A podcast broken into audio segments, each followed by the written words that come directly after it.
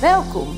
Dit is de podcast To Master Your Life nummer 151. Bewust zijn versus bewustwording.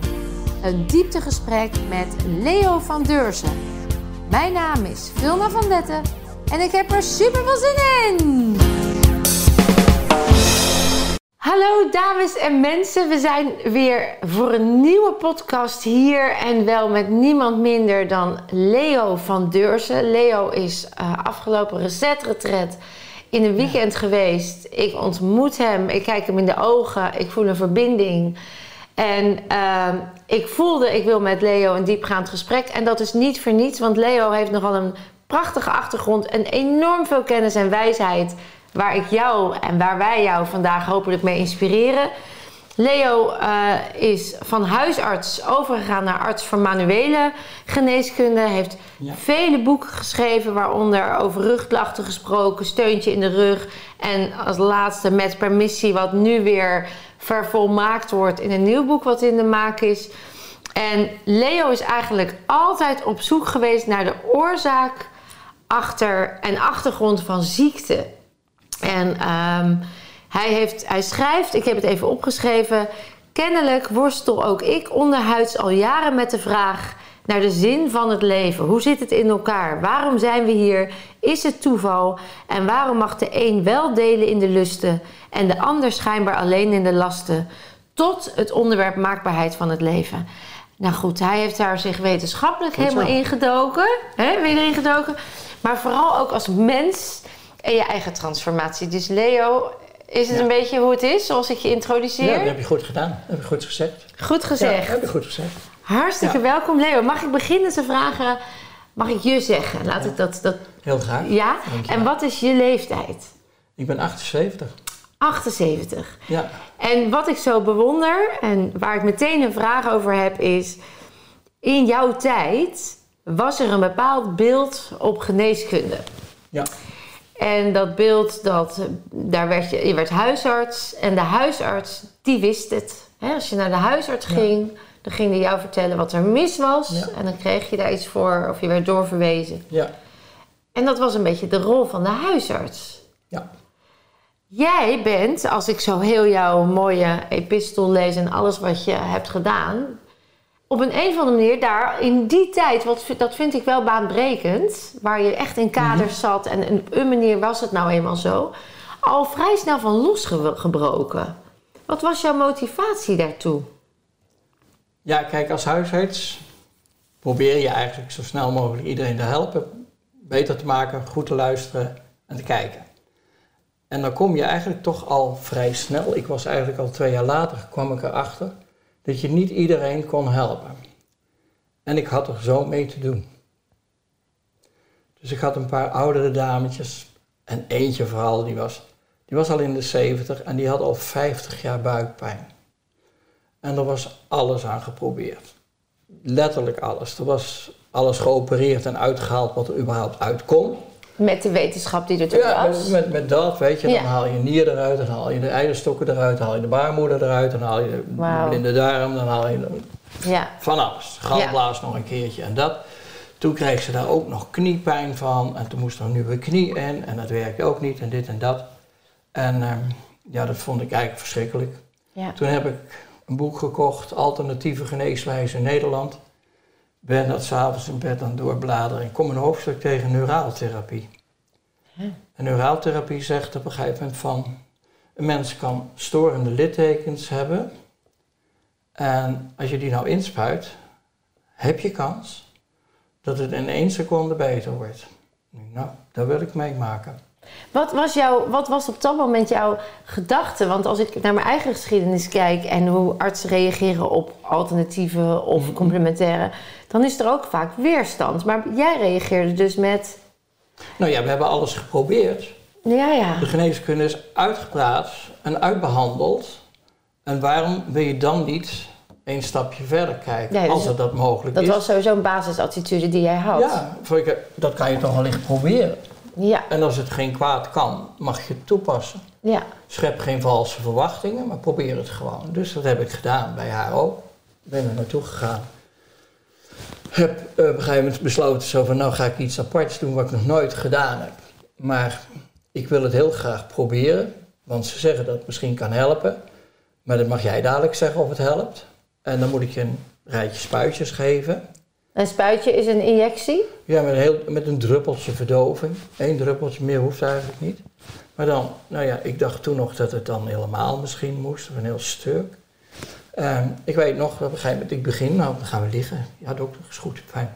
Trouwens, al had ik met een kettingzaag aangekomen, had ze nog ja gezegd. Ja, die wilde er echt Dus vanaf. Dat was echt, eh, Ja. nee, het was echt, zo'n vertrouwen hadden we in elkaar. Oh, wat mooi. En dat, Ja. was, dat was geweldig. Ja. Dus ik begin een klein prikje te geven.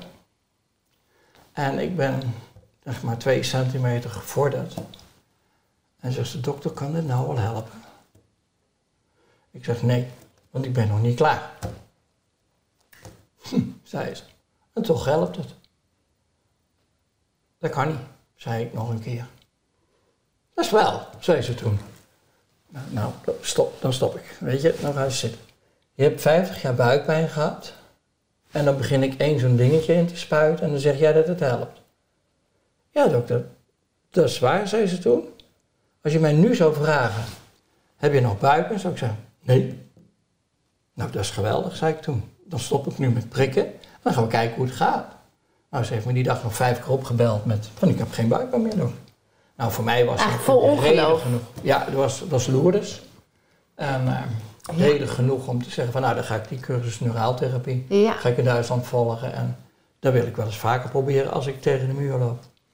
Dus daar begon al jouw interesse in een andere manier van omgaan met Ja. hetzelfde systeem. Ja, want dat is het. We leren op een manier kijken naar een systeem, maar er zijn dus allerlei manieren ja, die tot inzicht kunnen leiden. En Klopt. jij als arts klopt. Klopt helemaal. voelde wel ja. ook de behoefte om het beste voor je patiënt te willen en niet zoals het hoort te doen, als ik je zo mag samenvatten. Die neurale therapie die ben je gaan volgen. Daarmee kwam je op een heel ander wereldmodel. Van ongeloof naar, hé, hey, er is meer mogelijk. Ja. En toen? Nou, wat heel leuk is eigenlijk bij neuraaltherapie is... als je mensen ooit weet of spoot in één keer... dan krijgen zij het gevoel alsof er iets boven kwam... van wat ze hadden meegemaakt in het verleden. En er kwamen heel veel emoties bij los. En dan kwam er boosheid en woede en van alles en nog wat kwam erbij. Dus geleidelijk aan kreeg ik wel meer zicht op welke littekens storen nu het meeste. Want die neuraaltherapie, nog even voor mij, dat is, wat, wat zit er in de injectie dan? Een, druppeltje verdoving. Het is alleen verdoofd. Je verdooft spuit. even het litteken. Niet echt. Je, je spuit één druppeltje. Ik hoop niet dat het tandarts zo weinig spuit als hij begint. Ja, Maar je, je geeft één druppeltje. Eigenlijk misschien wel, als je het zonder verdoving zou doen, zou het waarschijnlijk ook werken. een effect hebben. Want Je, je, zit precies op de goede op plaats. Trigger point. Trigger, ja, en, en dan zie je dat het... iets gebeurt. Ja, en, en wel binnen één seconde. Dus het lijkt in die zin ook op acupunctuur of op eh trigger point dat je, je raakt een trigger. Je, Ja, je komt, raakt een je raakt trigger. een trigger. Ja, je zit in de emotie van een cel of van het dat is interessant. En die emotie op een gegeven moment, die komt eruit en dan is het onmiddellijk opgelost.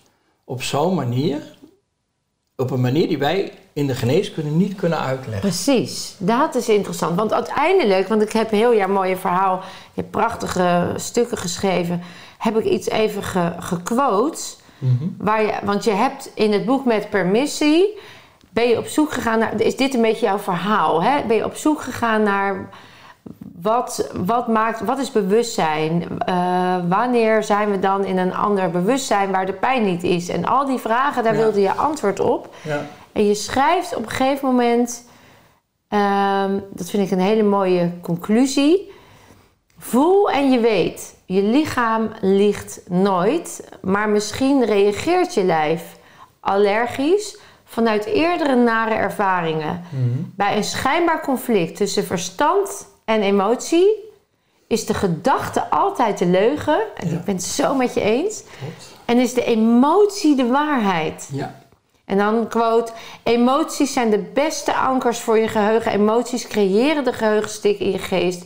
En die zijn behoorlijk plakkerig. ja, En je schrijft eigenlijk dat door die hoogontwikkelde neocortex, hè, dat, dat we dat denkende brein zo hebben aandacht gegeven, kunnen we eigenlijk die lijfelijke reacties niet meer goed voelen en loslaten. En zitten we onszelf dus in de weg. In We zitten onszelf in de weg. Dat is het, hè? Dat is de conclusie van jouw hele zoektocht Ja. van huisarts naar Leo nu, in het bewustzijn nu.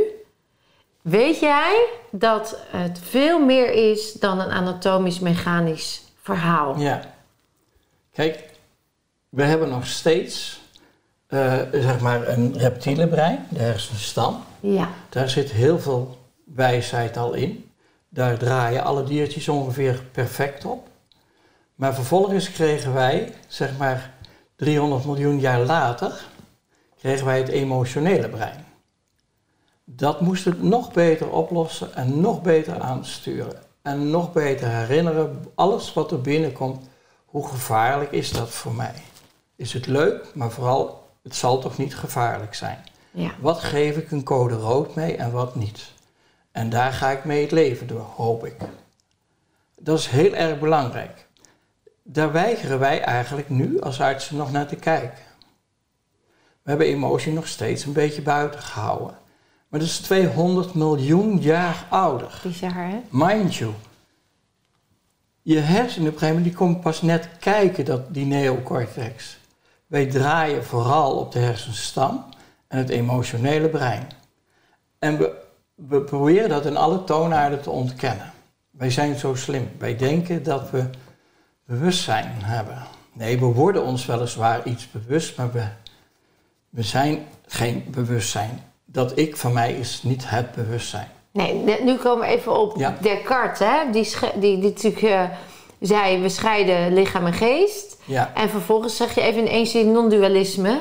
Wij zijn niet het bewustzijn. Dus klopt. dit is al heel diep. Even terug. Ja, Dus, dus in, de, in, de, in, de, in, de, in de wetenschap, in de medische wetenschap, is op een gegeven moment een onderscheid gemaakt. Ik denk aange, aangewakkerd door Descartes. klopt. Die, die zei er is een onderscheid tussen lichaam en geest. En die Ja. moet je dus als zodanig apart behandelen. Jij zegt dat, heeft eigenlijk, dat is eigenlijk een, een afleiding geweest van de kern. Ehm, weet je, wat, wat de moeilijkheid is, op een gegeven moment als bij ons overtuigingen er eenmaal ingepompt zijn, dan geloven we dat tot in lengte van dagen. Hmm. Wij hebben ook, vind ik, Descartes verkeerd uitgelegd. Ja.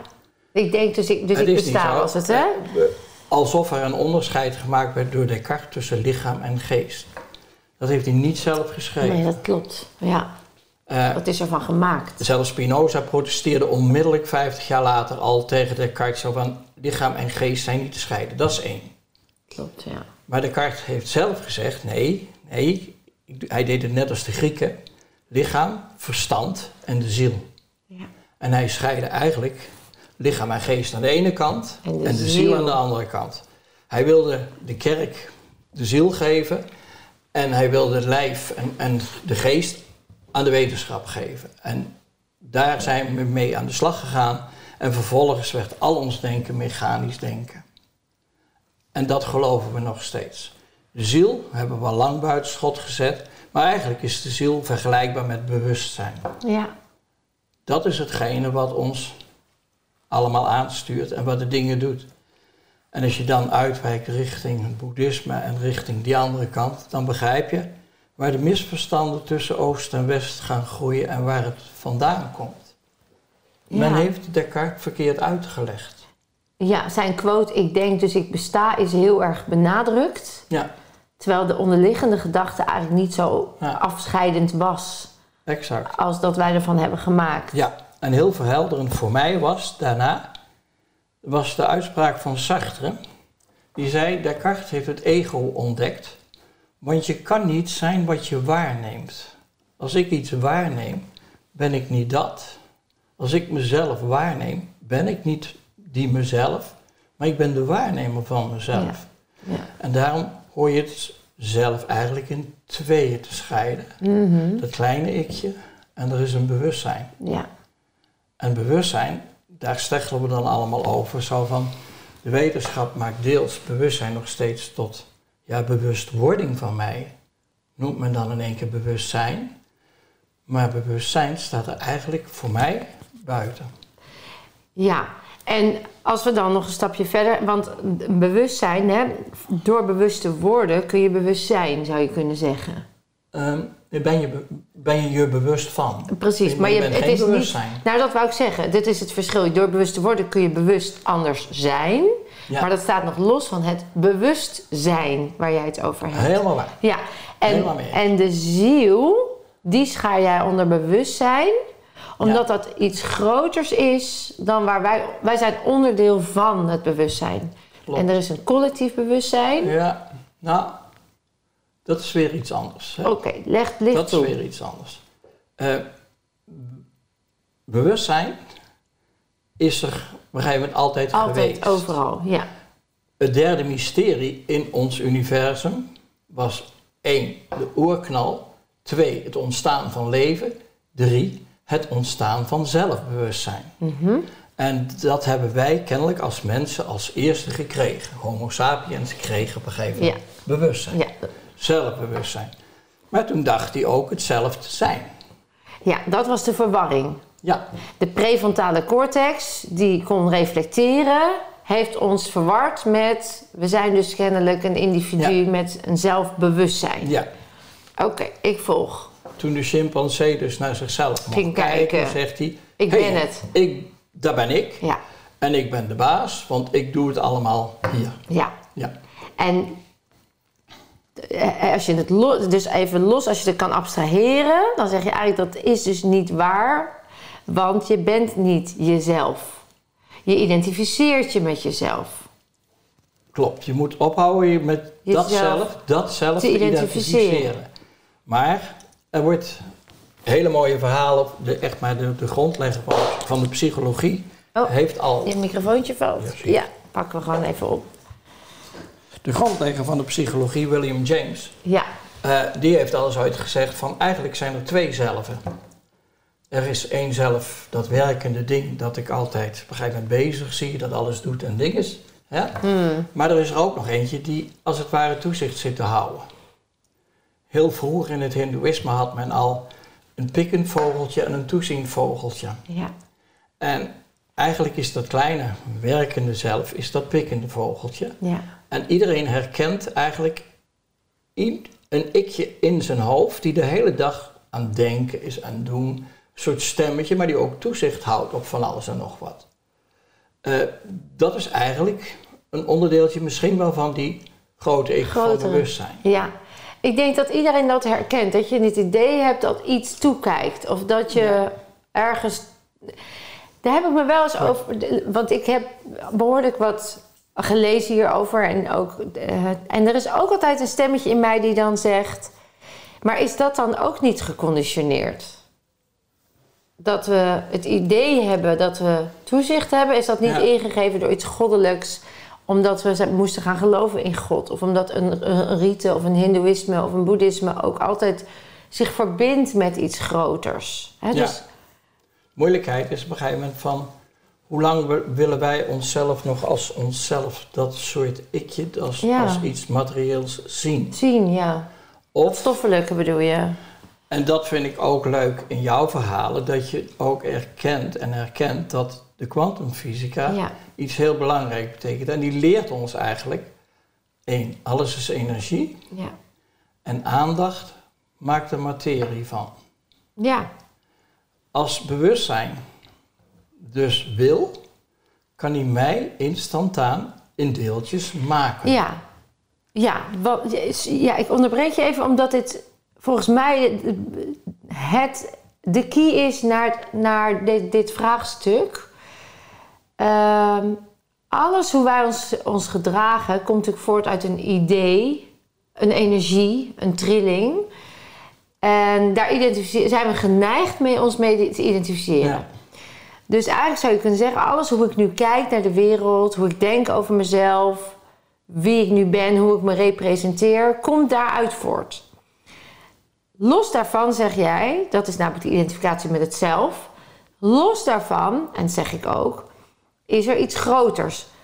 Mhm. Ondanks of wij daarin geloven door conditionering, is er ook een theorie, en dat is de kwantumfysica, met het slit-experiment, heeft aangetoond dat dat op het moment dat een cel bekeken wordt Mhm. door een camera, Ja, wat geen bewustzijn zou kunnen hebben, hè, volgens, de, volgens de fysica, ja, verandert de structuur en het resultaat van de cel. ja. Dus zeggen ze, ook een camera heeft een bewustzijn. Ook een camera verandert iets door de energie die meekomt. Dus je zou kunnen zeggen, er is iets wat wij nog niet kunnen pakken, Mhm. maar wat wel invloed heeft. ja. Mysteriebewustzijn. Het mysteriebewustzijn. Ja. ja, daar heb je gelijk in. En daar, dat zou ons dan voor een deel aansturen, beïnvloeden. Zouden we daar bewust van kunnen zijn? Van het mysteriebewustzijn? Ik denk het niet, maar ik denk dat we eh, er dichterbij komen als je dus dit gaat begrijpen. Als Ja. je zegt, kijk, Einstein zei zo mooi, ik weet niet of de maan er wel is als ik niet kijk. Zoiets groots als de maan is misschien afwezig als ik niet kijk. Want ik schep hem pas als ik kijk. Nou, Plato. Als bewust mij, Ja. bewustzijn in Ja. mij naar de maan kijkt, dan wordt de maan de vorm die die heeft. ges- geschapen, Geschapen. in de vorm. Ja, dus we sch- En dat ja. geldt misschien wel voor alles van mijzelf. Ja. Ik word geschapen zo gauw als ik er naar kijk. Als we nu hier zitten, dan vergeet je je voeten misschien en vergeet je dit en vergeet. Dan ben je maar een heel fragmentarisch iemand. Stukjes heb je nog. Hmm. Daar ben je je eigenlijk niet van bewust, dus even zijn ze er niet, als Ja. het ware. Zo zou ook bewustzijn kunnen werken. Door gewoon te scheppen pas als je het wil voelen. En niet eerder dan dat. En eigenlijk zijn we ook... Kijk, eh, Ja. eh, eh, er zijn mooie bestseller. Dick Swaap schreef natuurlijk... Wij zijn ons brein. Waar was ik toen gebleven? Nee, en dan zegt hij ook nog... Het is ook nog een perfecte machine ook nog. Ja, ik... Oké, En dan ja. komt Ab Dijkstruis die zegt... Ja, Eigenlijk eh, is het vooral ons onbewuste wat ons aanstuurt. En dan zie je het misverstand komen. Precies. Dan wil iedereen nog even zeggen van... ja, maar er is toch ook nog bewustzijn? Jung zei op een gegeven moment als een klein eilandje in een hele grote oceaan. ja. Eh, en dan begint er iemand nog te tellen of te denken zo... nou, eh, ons eh, onbewuste draait 40 MB per seconde... en het bewuste 40 bits per seconde. Hoe durf je als het ware bewustzijn te vergelijken met iets onbewust? Mm. Ja, dat komt omdat we er anders over denken. Omdat we het verkeerd gedefinieerd hebben aan de start. ja, omdat het bewustzijn verward wordt met je cognitieve weten. Ja, Dus het woord bewustzijn is dan verwarrend. Dat is het ergste geweest. Daar- Ja. Daardoor, zijn we van, daardoor ben ik ook van meet af aan bij het denken van... Ja, waar gaat het om? Wat is het? Wat is het doel? Wat is de zin? Door bewustzijn word je, zeg maar, op verkeerd... Door ons denken over bewustzijn word je op het verkeerde been gezet. Ik las vanmorgen, of niet toevallig, een quote waar ik dacht, ja, dit is precies waar het dan over gaat. En dat is: Healing starts with the realization that you're never the person you are, you think you are. Mhm. Dus het dus hele begint als jij je realiseert dat je niet de persoon bent die je gisteren was. Mhm. En toen dacht ik, ja, dat is als je het dan over bewustzijn hebt. Op het moment dat je een shift in awareness maakt. Dus op het moment dat je uit je identificatie stapt. Mhm.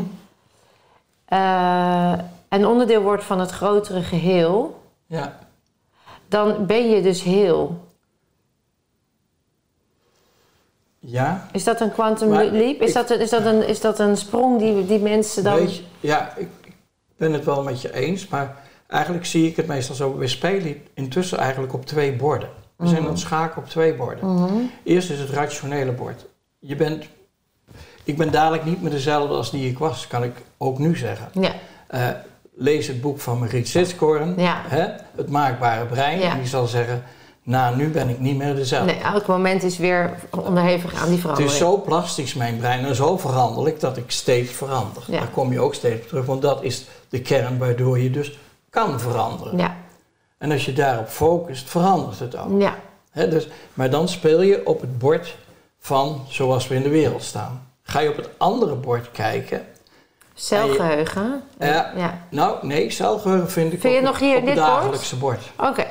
Ga je op een ander bord spelen, dan kom je bijvoorbeeld bij de denkwijze van de boeddhisten. Van, die willen eigenlijk liefst zelfloos worden.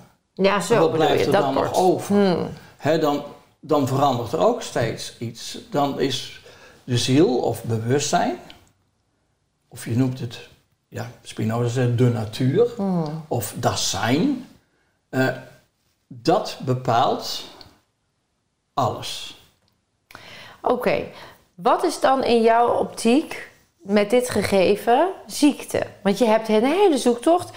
Eh, en je hebt ook gezegd, je bent uiteindelijk van de huisartsenpraktijk naar de rug gegaan. Hè? De rug waar alles lag opgeslagen.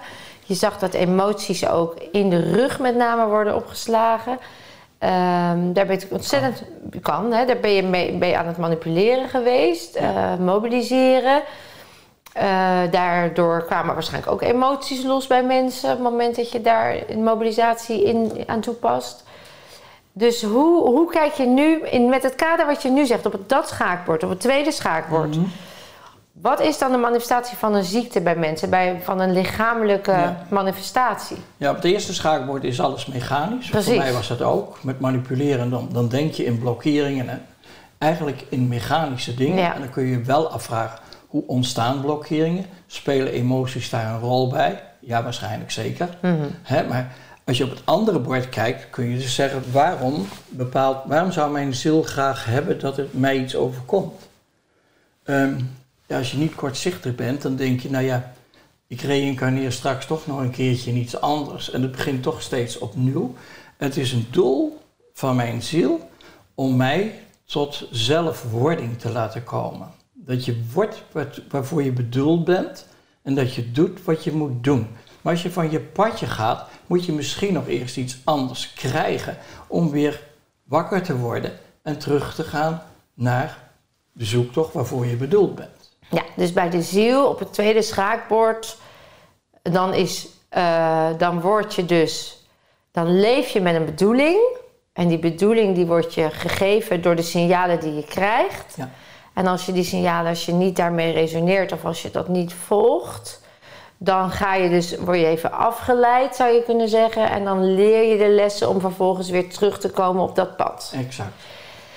En dat, dat zou een veel helendere manier van leven zijn dan dat we fatalistisch in het leven staan. Ja. En het tweede schaakbord zou ook veel meer ehm, gezondheid en geluk meebrengen. Zeker. Dus, dus als ik je goed samenvat, dan is het doel van ons bestaan is nu in deze vorm fysiek eh, in, de, in het bewustzijn waar je nu je bevindt Mhm. wat je nog kan resoneren. Dan komen we toch weer op de energie, hè? wat je nu al kan ontvangen, wat nu al jou gegeven is. En iedere keer als je daarin heelt, of een slag inslaat, of een les leert, dat is natuurlijk ook precies waar de Body Mind Reset over gaat, dan kom je een stukje dichter bij dat pad. Wat, Ja. wat jou, je ziel en jou samen één maakt. Ja. Je Als wordt, we, ja, sorry, je wordt vaak, zeg maar, als kind worden we vaak al van het padje afgebracht. gehaald. Ja. Door gebeurtenissen, door ongelukjes, door trauma's. We zijn heel erg ontvankelijk. En als ze zeggen, ja, je doet het niet goed, je bent niet slim genoeg of weet ik veel wat, ben je onmiddellijk eigenlijk van je oorspronkelijke bedoeling ben je, ben je aan het afwijken. Kinderen die in de wieg gelegd zijn om viool te gaan spelen, die, nou ja, soms mogen ze het en dan zie je later dat is echt zo. En de meesten mogen het niet, want dan kan je de kost niet mee verdienen, wordt gezegd Ja. of zo.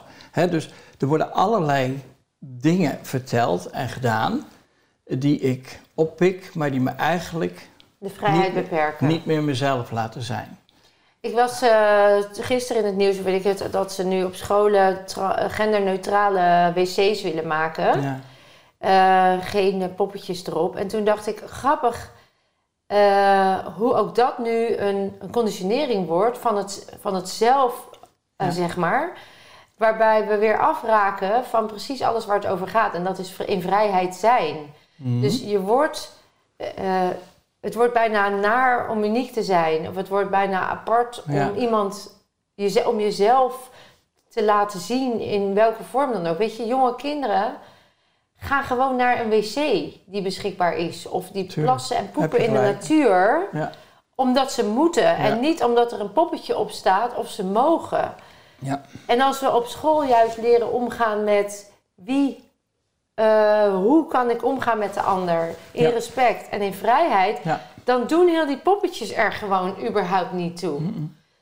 Dat maakt al die, die... Ik krijg een beetje kippenvel als ik het vertel, omdat ik het zo...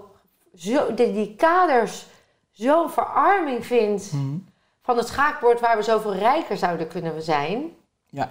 Dat ik, hoe verklaar jij dat, Leo? Dat, dat er toch in de maatschappij nog zo gekeken wordt.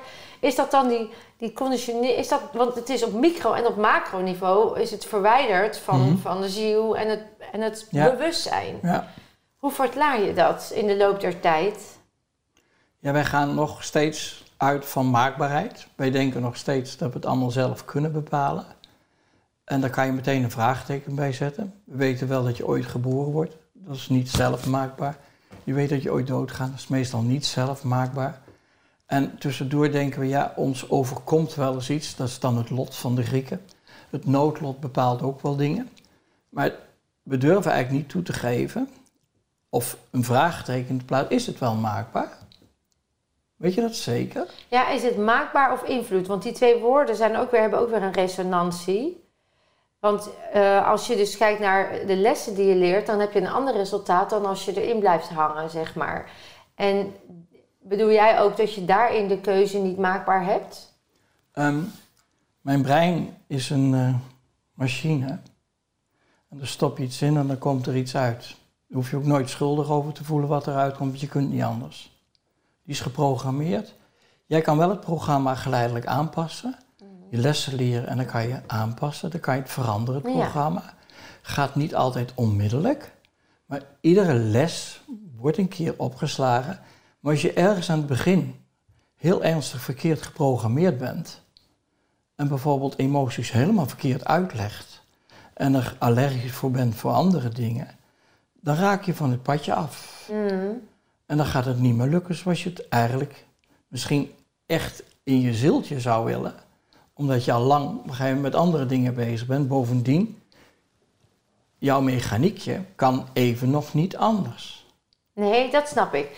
En de vraag was, hè, als je het over maakbaarheid hebt of invloed, eh, dan heeft dat ook weer met, en dan komt het verwarrende woord, met het bewust worden. Laten we het bewust worden Ja, te maken. Klopt. En eh, ik, mijn vraag was, along the way in de geschiedenis eh, zien we ook dat in de bewustwording er ook een soort, een soort destructieve kant zich ontwikkelt. Van macht en materialisatie en eh, laten we even de donkere Mhm. kant noemen. Mhm. Die een soort automatisme maakt van, van, hè, van een ne- nare Van het manier. negatieve. Ja, van Ja. het negatieve. En dat dat dan de gewoonte wordt. En Ja. dat dat dan het, de norm wordt. Ja. In plaats van de vrijheid, de ziel en de liefde. Die er ook is, yin-yang, zeg maar. Mhm. Dus ik geloof wel dat het een beetje zo moet gaan om steeds die balans. Want alles wil balans. Hè? Jouw lichaam wil balans, de wereld wil balans, alles wil balans, natuur wil balans. Dus als, als, eh, als wij ons misdragen in de natuur, dan komen er meer tsunamis en noem het maar. Want die natuur wil ook weer ba- balans, dus die zal het weer opruimen. Mhm. Maar dus ja, misschien is dat wel ook het antwoord zoeken. Bedoel jij waarom het negatieve ontstaat? Of Ja, waarom het dan Waarom? zo uit balans eh, Lijkt te lijkt zijn. te zijn. omdat het zo lijkt te zijn? Ja, Omdat dat is het- het. Wij, wij kennen ergens iets goeds en iets kwaads aan toe. Ja, dat is ook weer waar. Maar als we zeggen, nou ja, Ja. Je zegt zelf, het is al in balans. Als, als het alleen maar goed zou zijn, moet je er ook wel iets kwaads aan de andere kant hebben. Ja, nee, nee, Anders waar. ontbreekt de balans. En onze ziel heeft dat overzicht wel. En eigenlijk wilde ik nu op een gegeven moment die andere kant wel eens leren. Ja, Bijvoorbeeld. ja. En, en, en bij de volgende incarnatie kan je misschien zeggen, nou dan wil ik de kant van de dader ook wel meemaken. ja. Of zo. Nou, het is in, ja, precies, mooi gezegd. En de incarnatie, hè, want heel veel mensen zijn daar nog niet of vinden daar wat van en dat Ja. mag. Ja, natuurlijk. Wat, als we dan terugkomen bij die kwantumfysica en wat ook in mijn boek naar, naar voren komt, is die transgenerationele overdracht. Mhm. En dat is dat een cel, en het is eigenlijk heel logisch, en zo werkt het op elk niveau, in de diepste kern energie is met een trilling. Mhm. En dat er geheugen is bedoeld om jou de lessen die je leert te laten herhalen, zodat je niet Mhm. elke keer alles opnieuw hoeft te leren. Het is een Ja. hele slimme, ehm, een slim mechanisme. Ja. En ieder- de vraag is dan, die ik ook stel in mijn event, hoe kan het dan toch, als die cellen zich elke keer, ver- want dit cel vernieuwt iedere keer, hè? Mhm. hoe kan het nou toch dat je dan toch nog aan ziekte doet? Of dat je dan toch Ja. nog, die, nog steeds die lenzen draagt? Ja, ja omdat het eh, in je DNA opgeslagen ligt. Ja, en, En, nog in je celgeheugen. in je celgeheugen, en nog een stapje dieper, want dat DNA weten we inmiddels, dat kan aan en uit. Dat legde jij trouwens ook heel mooi Ja. uit in het weekend toen dat ook even ter sprake kwam. Vroeger dacht men, je bent je DNA en dat ligt vast. En dus is het genetisch als je voorouderen het hebben gehad. Daar zit natuurlijk een kern van waarheid in als je, het niet, als je niet de kennis hebt van de kwantumfysica, want dan blijft dat een waarheid. Maar de kwantumfysica zegt nee hoor, het is gewoon een lichtschakelaartje. Of dat zegt niet eens de kwantumfysica, Nee, dat zegt zegt de dat zegt de DNA inmiddels ook. Ja. Het is gewoon een lichtschakelaartje. En door wat je Ja. meemaakt en wat jij van buitenaf naar binnen krijgt, gaat die aan of uit en Klopt. krijg je wel of niet ziekte. Klopt. In de kwantumfysica zeggen we, er zit een trilling en met een celgeheugen. Dus als jij in dit leven een trauma meemaakt met een lage resonantie, waardoor het DNA-schakelaartje op ziekte is komen te staan, Klopt. Ja. en je lost het niet op in dit leven, dan kan het zo zijn dat het in het volgend. Dat Je een- draagt het over. je draagt het door. Het gaat nog zeven generaties Tot minstens mee. zeven generaties misschien wel langer. Hè? Niemand Tot nu toe zeggen we, ja, is er een onderzoek dat het zeven generaties, omdat dan die trilling uitdooft, Misschien. zeggen Ja. ze, ja, Je kan het onderhouden, hè? Je kan het, ook, ja, als het weer gevoed wordt, Ja. blijft het bestaan. Ja. En dat verklaart denk ik ook, als we dan terugkomen op die ziel, eh, dat de leraar langs blijft komen totdat de leerling geleerd heeft. Mhm. Dan zal het loslaten in het celgeheugen en zal het niet doorgaan. gaan. hè? Dat is dan eigenlijk. Het is wel leuk hoe jij zegt dat de leraar langskomt en zo. Dan beschouw je ziekteaandoeningen als de leraar die op een gegeven moment mij Ja. attent moet maken op Ja. wat kan ik eraan doen. Ja, Eh, zijn er oplossingen voor je? En ehm, ik vond het leuk, of ik vind het nog steeds leuk, dat jij oplossingen aanreikt. ja, En jij meer doet op een gegeven moment met inspelen op emoties. ja, En op emotie als een storing in het systeem. ja. Waar, ja, en wij, we hebben het eigenlijk ook nooit over ziekte. Wij labelen het ook niet, omdat op elk label ligt ook een lading.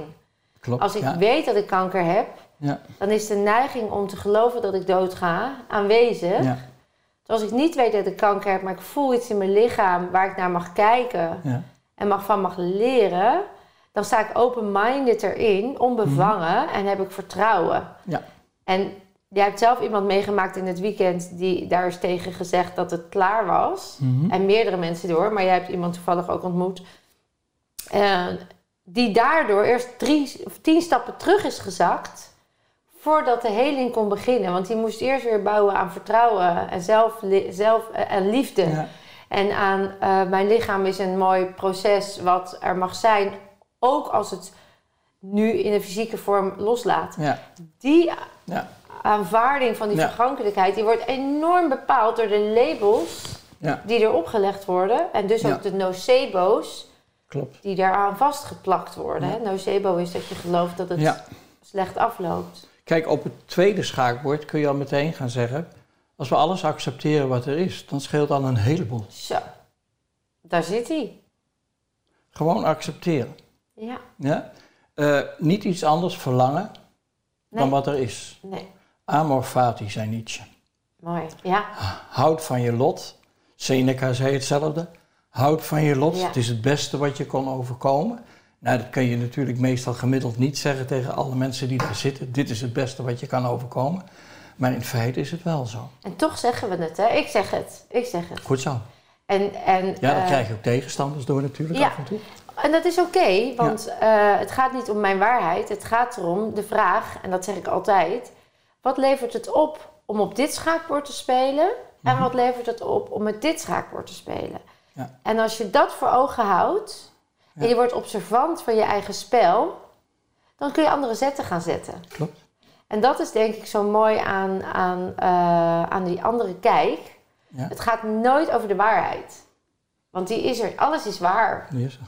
Die is Ja. er Eens. het gaat erom hoe, hoe jij zelf met die waarheid omgaat en wat het je dient.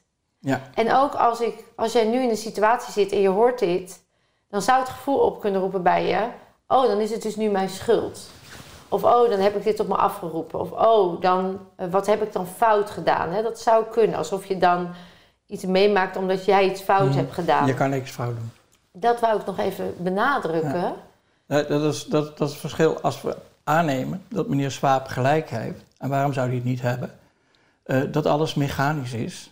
En dat je een kwartje ingooit en er komt iets uit. Hoe kun je dat dan fout doen? Ja, Als je deze keuze op je afkrijgt, kiest mijn systeem kiest de voor hem op dat moment beste keuze. ja, Ik kan niet anders. nee, Het is gods onmogelijk om anders te doen dan de keuze die je brein maakt. die je nu maakt. Ja, ja. die je nu maakt. Ja. Dat je er dan straks straf voor krijgt. En gaat leren dat het toch anders, andere keuze beter had geweest. En die langzaam inslijpt. Dan kun je verbeteringen. Dan maak je de volgende keer een andere Ja, keuze. dus het is geen straf. Nee, Dan is het een leerproces. je Je bent krijgt een nieuw leermoment. Ja, Spinoza zou zeggen, je bent arrogant als je in termen van schuld denkt. Dat jij zelf de schuld kunt zijn. Wat een mooie. Ja. Ja, Ja. Dat, dat is niet mogelijk. En als je dat accepteert, Ja. dan wordt het leven een stukje gemakkelijker. Ja. Hè, Boeddha zal zeggen, je moet ja, verlangen om niet te verlangen. Ja.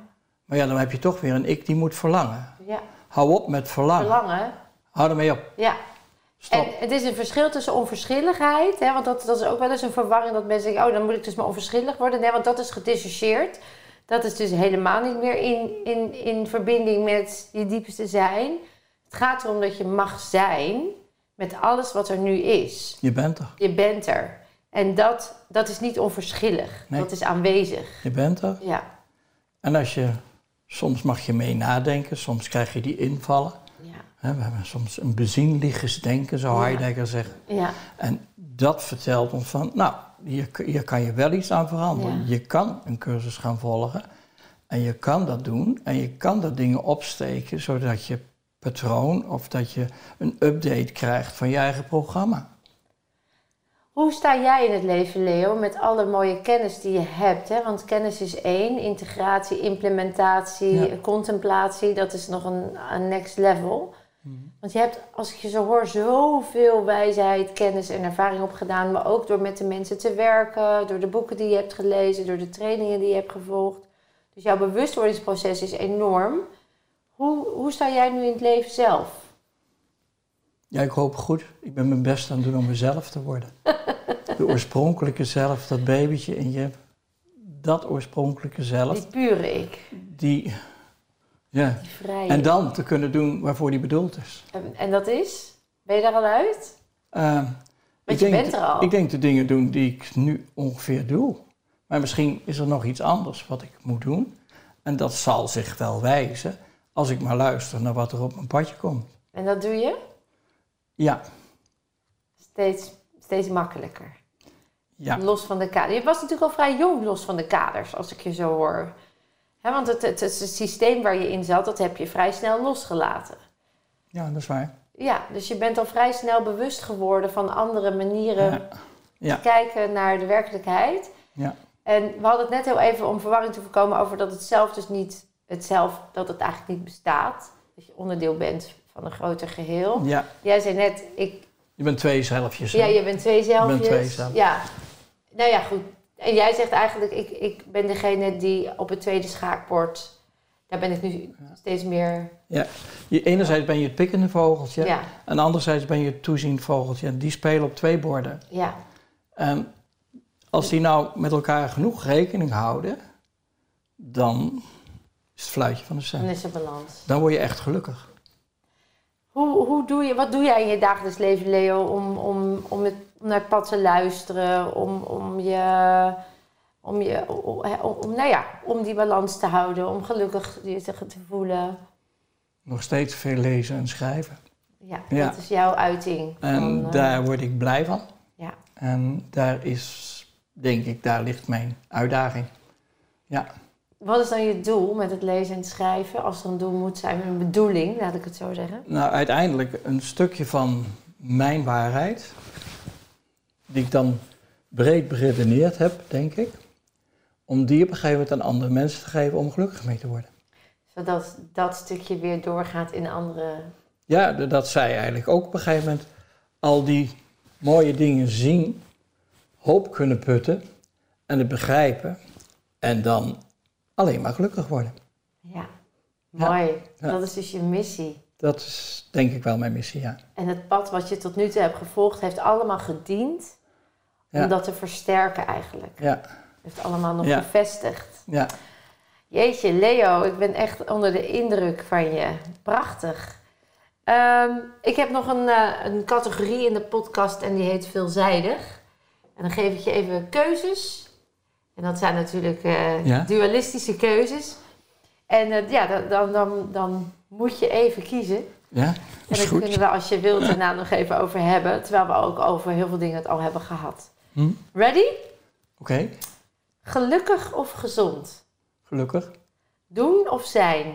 zijn, Bewustzijn of ego? bewustzijn, Het pikkende vogeltje of het observerende een vogeltje? toeziend vogeltje, Toeziend vogeltje. Dualisme of non-dualisme? non-dualisme, Naïef of onbevangen? onbevangen. Geloven of zien? Ehm, daar denk ik geloven, Therapie of zelfredzaam? zelfredzaam, Arts als redder of als facilitator? als facilitator. Puur natuur of natuurlijk? Natuurlijk, Regulier of complementair? complementair, Een bubbelbad of een dompelbad? Dompelbad, Meditatie of in de natuur zijn? in de natuur zijn. Volg je dromen of succes is een keuze? Succes is een keuze, Een maakbaarheid van het leven of het leven valt je toe? valt je toe. Links of rechts? Kies maar. Jij, Ja. Leo. Doe maar links, ik ben linkshandig. Linkshandig. Ja. Een leefstijlvaccin of covid-vaccin? Ehm, Covid-vaccin, Aangeleerd of aangeboren? aangeboren. Ja of nee? Ja, Oké, dat was hem. goed zo. Hoe vond je het? Ja, grappig. Grappig? Ja, Zijn grappig. er nog dingen waar je op terug wil komen? Waarvan je... Je, je twijfelt even bij links of rechts. Ja. Kies maar, zei je. Kies wat was je eerste associatie dan? Dat het over politiek ging? Het is allemaal goed. Ja, precies. Oh, elke route is goed. Het is oh, allemaal ja. goed. Ik, ik accepteer links en ik accepteer Oh rechts. ja, er zit geen keuze. Nee. Uiteindelijk is dat bij allemaal natuurlijk. Ja. Maar bij links en rechts haakte je even... Ja, Dat je dacht, ja, kies maar. Oh ja, kies het pad maar. dat doet mijn tom-tom wel. Ja. Hey, je zegt eh uh, uh, leefstijlvaccin of covid-vaccin. Je kiest dan voor het covid-vaccin. Ja, toch. Toch? Ja. Ja, omdat? Eh, omdat ik zelf ooit, toen ik nog internist wilde worden, op een gegeven moment een week in het militair hospitaal zat. En in één week drie mensen kreeg die doodgingen aan de griep. Oh, ja. Dus ik, ik zou willen dat iedereen altijd gevaccineerd was. Maar dat is dat eigenlijk niet- ook paradoxaal, los van het vaccin hoor. Want ik, ik ben niet tegen vaccins.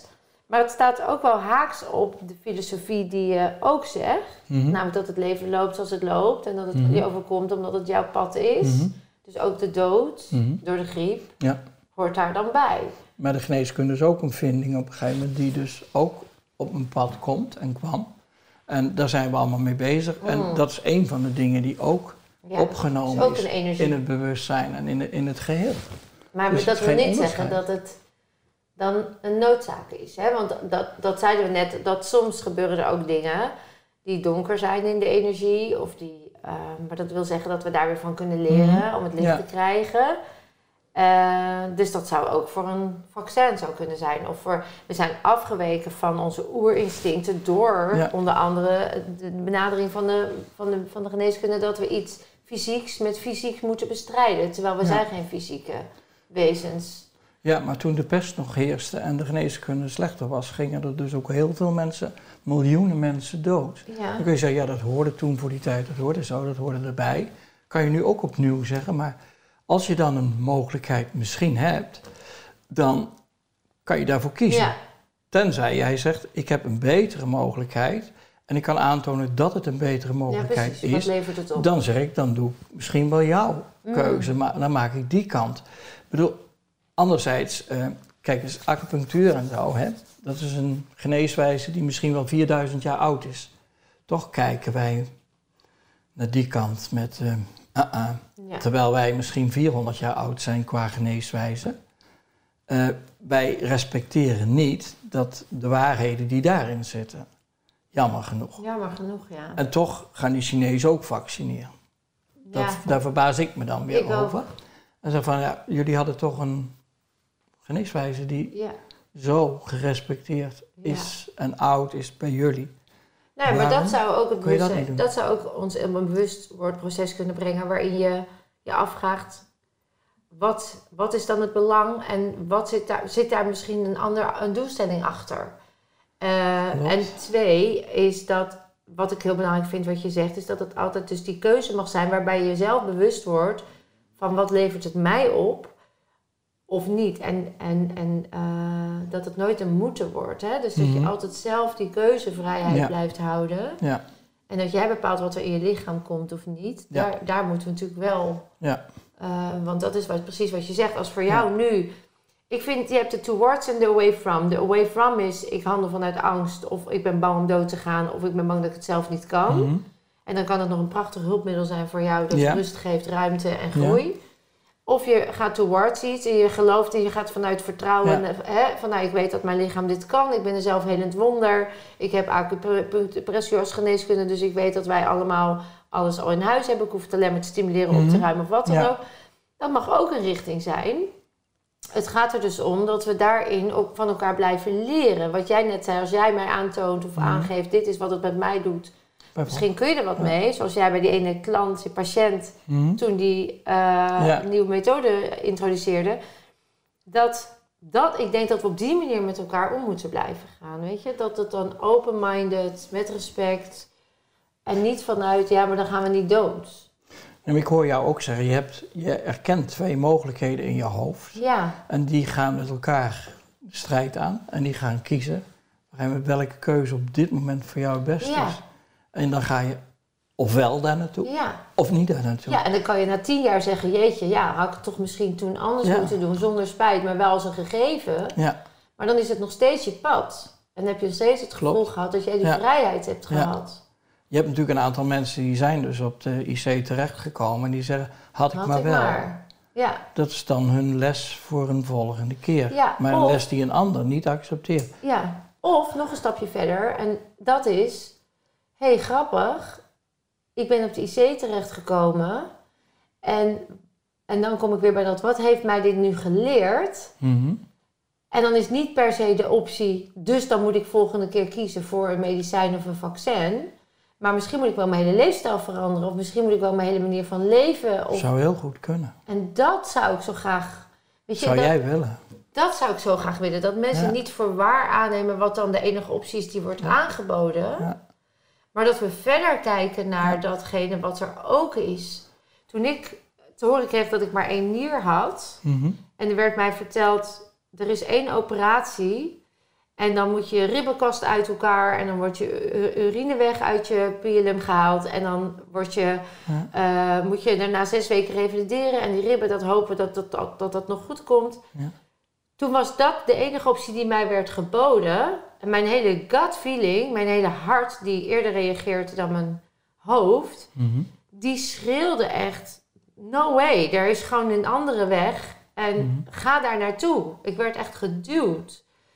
En godzijdank heb ik die weg gevonden. Ja, fijn dat je ernaar geluisterd hebt. Ja, terwijl, en toen was bleek er in Eindhoven, dus in hetzelfde land, bleek er een, een soortgelijk. Ik zat nog wel in de operatiekader. Ja. Want ik had nog wel de waarde dat ik geopereerd moest worden. Want dat was toen het bewust Ja. ja, wordingsproces waar ik in zat. Die zei, nee, we kunnen het laparoscopisch doen. Dat heet de exercise. En dan gaan we met een, maken we een gaatje tussen de ribben door. En dan kunnen we Ja. tjak tjak. En dan is het één dag ziekenhuis. En je, hoeft je kan gewoon alles weer doen daarna.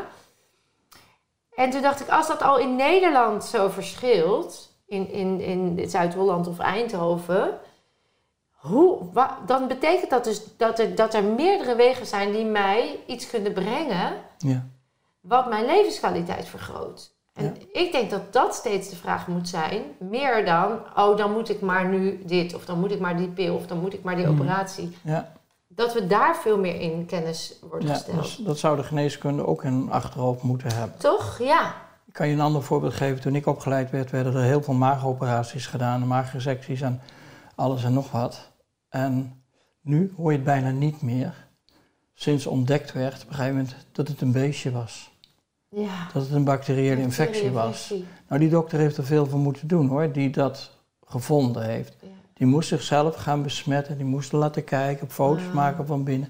En toch op een gegeven moment dan antibiotica slikken en toen was het over. Nu worden er bijna, zijn maagoperaties bijna niet meer nodig. Terwijl in mijn chirurgieopleiding was iedere dag minstens twee of drie. Operaties werden er gedaan. Ja. Ja, maagzweren, hoor je er nog veel van? Nee, Nee hè? nee. Die zijn in één keer allemaal over. Mijn moeder had allemaal maagzweren. Ja, de hele generatie allemaal Ja. maagzweren. En nu is dat anders. Ja, Dat is verleden tijd. ja dat nu klopt. weten we dat het een bacteriële infectie is. Maar hij doet überhaupt komt hij minder voor. Ja, daar, Omdat het omdat dus we de infectie aan kunnen, komt dat chronisch bacterietje Eh, niet meer ulcus niet meer voor Nee. in maag en twaalfvingerige darm. Ja. Dat bestaat niet, Niet meer. meer. En vanuit de energetische geneeskunde zijn we dus meer aan het verteren. Of op een andere manier aan het verteren. Hè? Dus we zijn Mhm. minder zuur. Ja. Interessant hè?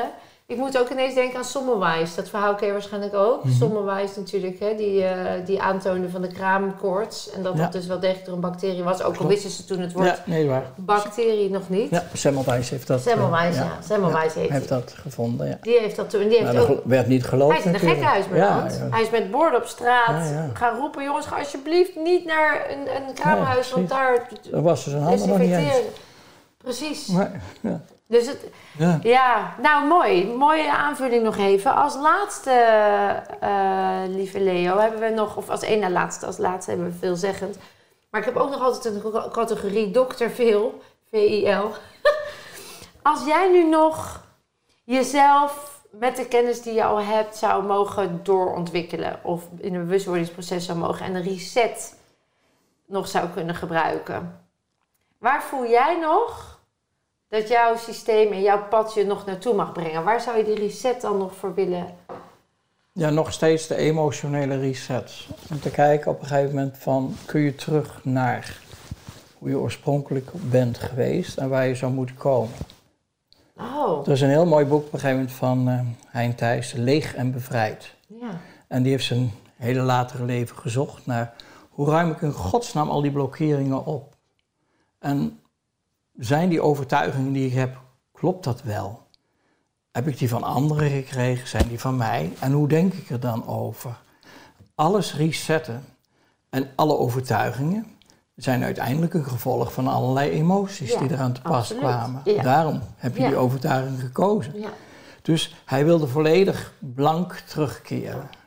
Zijn waar je bent. En dan vooral in een vorm van hoe wij. En eh, laat, Mhm. maar, laat het maar uitdoven. En dat was zijn visie. De mijne is op een gegeven moment van... Nou ja, ik heb gezien in neuraaltherapie hoe je emoties op een gegeven moment een rol spelen. Ik heb in al die andere dingen als PMA, PRI, eh, Matrix, eh, de zes stappen methode.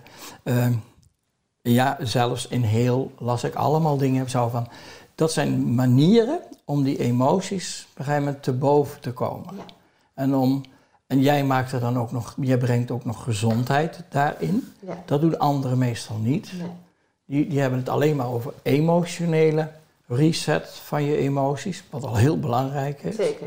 Maar dat is nog steeds mijn doel om dat te verwerken in Leefstijl. het hele verhaal. Ja. De leefstijl. Ja, Ja, en de zelfwording. ja, ja, mooi. Dus een reset, als ik je even mag resumeren, dat is dan op eh, bevrijd zijn van al die ballast, mogelijke ballast, die mij nu nog van mijn pad een beetje afhouden. Ja, exact. Ja, hè? Ja. Wauw, dat is een eh, leuke reset. Ja. Dat is, tegelijkertijd ben je er al. Dus Dat- op het moment dat jij nu besluit en voelt en weet dat, je, eh, dat het er al is, zou het zomaar kunnen zijn dat het zich sneller manifesteert dan je nu dat geloof ik wel. Ja. ja. Dat als je je mindset gaat veranderen, het is er al, ja. kom je er al dichterbij. Sterker nog, Ja. dan is het er al. Oké. Ja, neem even mee ter overdenking. Oké, ja, ja, ja, ja. Toch? Oké, Ja. ja. Eh, als laatste, lieve Leo, je hebt al zoveel moois gezegd. Het heeft mij enorm geïnspireerd. Met super veel dank. Eh, ik hou van dit soort gesprekken. Ik, ik vind ze waardevol. Ik, het zet me aan. eh, Mhm. Het geeft weer meer diepgang en nog meer verbinding.